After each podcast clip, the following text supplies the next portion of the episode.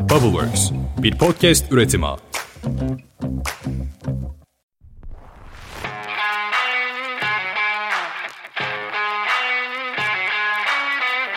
Şimdi hemen yeni konumuza merhabalar diyelim. GUI'nin kurucu başkanı Yavuz Çengitaş hattımızda. Merhabalar Yavuz Bey.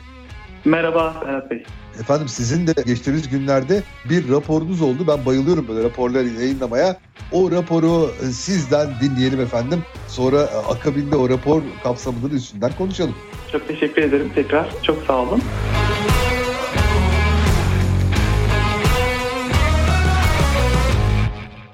Bahsettiğiniz rapor 2021 inovasyon ve girişimcilik raporuydu. Biz Goin olarak zaten büyük şirketlerin inovasyonu daha sürdürülebilir bir yaklaşım haline getirmesi için çalıştığımız için de bu rapor özellikle önemsediğimiz bir rapordu. Çünkü amacımız bu raporda farkındalık oluşturmak ve bu farkındalıkla birlikte de gerçekten el ele şirketlerin, bireylerin, öğrencilerin, kurumların, üniversitelerin daha inovatif bir yaklaşıma sahip olmalarını amaçlıyoruz. Rapora baktığımızda üç ana başlıktan oluşuyordu. Yani üç ana parçadan oluşuyordu diyebilirim. Biri genel tanımlar. Burada özellikle inovasyon, kurum içi girişimcilik gibi tanımların yanında design thinking ya da lean startup gibi metodolojilerinde tanımları mevcut. Ötesinde ilk bölümdeki amacımız hani tüm kesimlerin inovasyon hakkındaki bilgi seviyesinde eşitleyebilmek oldu.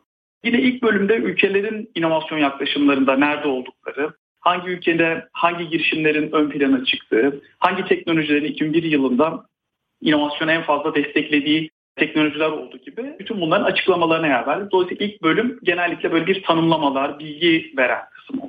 İkinci kısımda ise araştırma bulgularımıza yer verdik. Toplamda Türkiye'den 330 kişinin katıldığı hem birebir görüşmelerle hem anketlerle çok dikkat çekici verilere ulaştık. Birazdan da onları aktarırım eğer sizin için uygun olursa. Orada da araştırmayı çoğunlukla aslında şirket yetkilileri, insan kaynakları, çalışanların inovasyon hakkındaki değerlendirmeleri ve öğrenciler üzerinden yaptık temelde.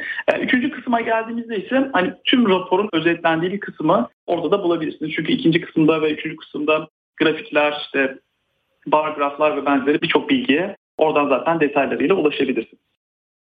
Anladım. Süpersiniz. Aynen. Peki e, raporun öne çıkan parçalarına şimdi gelelim isterseniz. Ne dersiniz? Tabii ki tabii ki memnuniyetle. Rapora ulaşmak isteyenler olabilir. Bu arada onu da söyleyeyim. Ha, evet, evet. Go, Go In ismimiz biraz değişik yazıldığı için özellikle kodlayacağım. Gaziantep Ordu Ordu İskenderun Nide Nide nokta yani Ceyhan Ordu evet. bölü slash rapor yazarsanız oldukça aslında kısa bir domain. Oradan hem bizim bütün raporlarımıza ulaşabilirsiniz hem bu Türkiye İnovasyon raporunu indirebilirsiniz. Oldukça kapsamlı aslında 100 sayfa PDF olarak baktığımızda ama her bir sayfa 2 sayfa olduğu için neredeyse 200 sayfaya varan çok kapsamlı bir raporla karşılaşıyor olacak indirenlerde.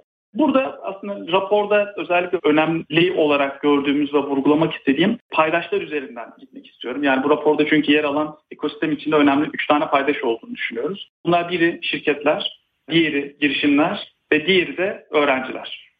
Bu üç paydaşın hani görüşleri neler olmuştu biraz bunlardan bahsetmek istiyorum. Neleri bulduk aslında orada. Şirketler için en önemli çıktı inovasyonun gerekliliğinin farkındalar. Bu güzel. Yani inovasyon yapmak gerektiğini biliyorlar.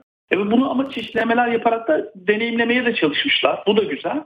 Fakat orada bizim gözlemlediğimiz ve aldığımız problem ise sürdürülebilir bir inovasyon yaklaşımı geliştirmekte eksik kalmışlar. Yani dolayısıyla bir kere denemişler, yani olmamış ya da başarılı olmuş ama ya bu sene buna evet. para ayırmayalım ya da bütçe ayırmayalım denmiş. Dolayısıyla evet. böyle biraz daha hani sürdürülebilir inovasyon tarafına gidebilme şansları olursa onun çok daha iyi olacağını özellikle düşünüyorum. Çünkü amacımız şirketlerin bu durumu farkına varması ve sürdürülebilir bir inovasyon metodunu kurarak sürekli yeni ürün ve hizmetler geliştirebilmelerini, kendi yetkinlikler haline dönüştürebilmelerini istiyoruz.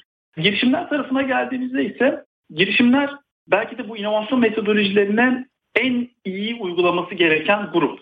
Fakat gözlemimiz metodolojilerden kısmen haberdarlar ya da haberdar olsalar da maalesef çok fazla kullanmıyorlar. Ki bu işte design thinking gibi, lean startup gibi metodolojiler çok daha ucuza basit denemeler yaparak müşteri ihtiyacından doğan çözümler ortaya koymamızı sağlıyor. Yani o bir müşteri ihtiyacının problemini bulup ona dair bir çözüm geliştiriyoruz. Dolayısıyla ne oluyor? Ürünümüzün başarı şansı artıyor. O yüzden girişimlerin bunu biliyor ya da hani kısmen biliyor olmalarına rağmen çok fazla uygulamadıklarını görmek bizi bir miktar üzdü. Onu söyleyebilirim. Çünkü benim de bu zamana kadar 5. girişimim oldu Her birinde bu metodolojileri hep denedik. E, başarısız olanlarımız da oldu ama başarılı olanlarımız başarısızlara göre daha fazla diyebilirim. Dolayısıyla Yavuz Bey zaten biz de bunun için varız. Yani hani o insanlara evet. aslında bildikleri ama uygulamadıkları şeyi hatırlatmak için buradayız. Yani Kesinlikle. aslında herkes her şeyi bir şekilde biliyor. Ama evet. uygulamaya geçerken niye bilmiyorum bazı sorunlar çıkıyor arada. Doğru, doğru. Yani zaman harcamak istemiyorlar. Yeterince faydası olmayacağını düşünüyorlar. Oysa biz aslında hani web sitemizde vakalar da yayınlıyoruz. Yani orada ne oldu, hangi metodolojiler kullanıldı, sonunda ne çıktılar ortaya koyuldu vesaire gibi. Belki oradan bakıp ilham alabilirler. Bir miktar belki araştırma yapmak iyi olabilir. Ama çok haklısınız. Bilmelerine rağmen yapmamaları gerçekten bizi üzüyor. Çünkü hani amacımız bizim yanlış yaptıklarımızı onların yapmamalarını sağlamak zaten temelde diyebilirim. Son o ekosistem için önemli gördüğümüz paydaş dediğimiz öğrenciler kısmında ise tabii ki üniversite öğrencilerini kastediyorum. Özellikle üniversite öğrencileri yeni nesil inovasyonun şirket içinde olmazsa olmaz bir yaklaşım olduğunu, olması gerektiğini daha doğrusu düşünüyorlar. Çünkü aksi durumda biliyorsunuz zaten zor olan o iyi yeteneği çekme ya da çekememe problemi şirketler için artık çok büyük bir problem olmaya başladı. Hem yetişmiş yetenek anlamında hem yeni yetenek anlamında şirketler artık çekmekte zorlanıyorlar. Burada da özellikle öğrencilerin yeni mezunlar olarak baktığımızda önemsedikleri şey şu. Şirketin içinde özgürce fikirlerini ifade edebildikleri, bu fikirleri hayata geçirebildikleri, hayata geçirirken onları engelleyen değil aslında onları destekleyen yöneticilerin olduğu bir ortam, bir aslında kültürü arıyorlar. O yüzden hani bunları sağlayabilirsek onlara da şirketler açısından söylüyorum çok daha iyi sürdürülebilir bir inovasyon yaklaşımı olabilir diye düşünüyoruz. Peki şimdi biraz sizin son soru olarak da bunu sormak istiyorum mutlaka. Siz büyük şirketlere de hani startuplara ve girişimlere nasıl yaklaşmaları gerektiğine dair fikirler ve imkanlar da sunuyorsunuz değil mi efendim? Evet, evet kesinlikle. Yani Goin olarak biz temelde amaçladığımız şey de o şirketlerin inovasyonu daha sürdürülebilir bir şekilde yapmasını amaçlıyoruz. Bunun için ya geçen sene bu zamanlar biz sizinle bu konuda konuşmuştuk. Geçen seneden bu zamana şirketlerin bakış açılarındaki değişikliği sizden alabilmek isterim. Aslında en önemli rapor o benim için. Çok teşekkürler. Şöyle özellikle şirketler bunun bir hani olsa da güzel olur değil de gerçekten olması gerekir bir yetkinlik olduğunu artık hemfikirler bence. Artık bütün şirketler biliyor inovasyon yapmalıyız mutlaka. Fakat nasıl yapacaklarını tam olarak bilmiyorlar. Bundan yaklaşık olarak 10 yıl önce de bir makale yazmıştım. Özellikle şirketler nasıl sürdürülebilir kılar inovasyon yaklaşımını diye. Orada şirketlerin kendilerine bir yol belirlemeleri, yani biz inovasyonu ne için yapıyoruz? Dan başlayıp yani bir ürün mü çıkartmak istiyor ama yeni bir girişim mi ortaya koymak istiyorlardan başlayıp şirket içindeki o kültürün oluşturulması, o kültürün bir sistem ve süreçle sürekli hale getirilmesi ve takımlarla bir arada şirketin içindeki özgür iradeyle katılan bireylerden oluşan takımlarla sürekli inovasyon süreçlerinin yürütülmesi ve en nihayetinde de umarım e, çünkü bu yatırımcılarda da böyle olabiliyorsunuz. Çok fazla deneme, çok fazla yatırım yapmak lazım ki gerçekten büyük başarı olan yani düşük yıkım riski olan ama yüksek getirisi olabilecek ürünler, hizmetler ortaya çıkabilsin. O yüzden mümkün olduğu kadar çok yapmak lazım ki bunu en sonundaki başarıyı da daha büyük kılabilir. Valla attığınız bu adımlar için sizi tebrik ediyorum. Size teşekkür ediyorum efendim. Ama özellikle şunun için de bu büyük şirketleri bu işin içine çekmek, burada topa çekmek de muhteşem bir hareket oluyor.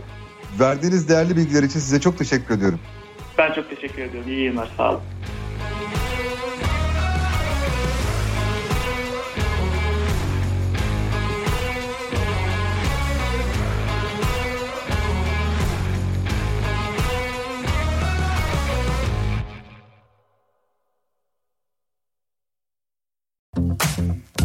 Bubbleworks bir podcast üretimi.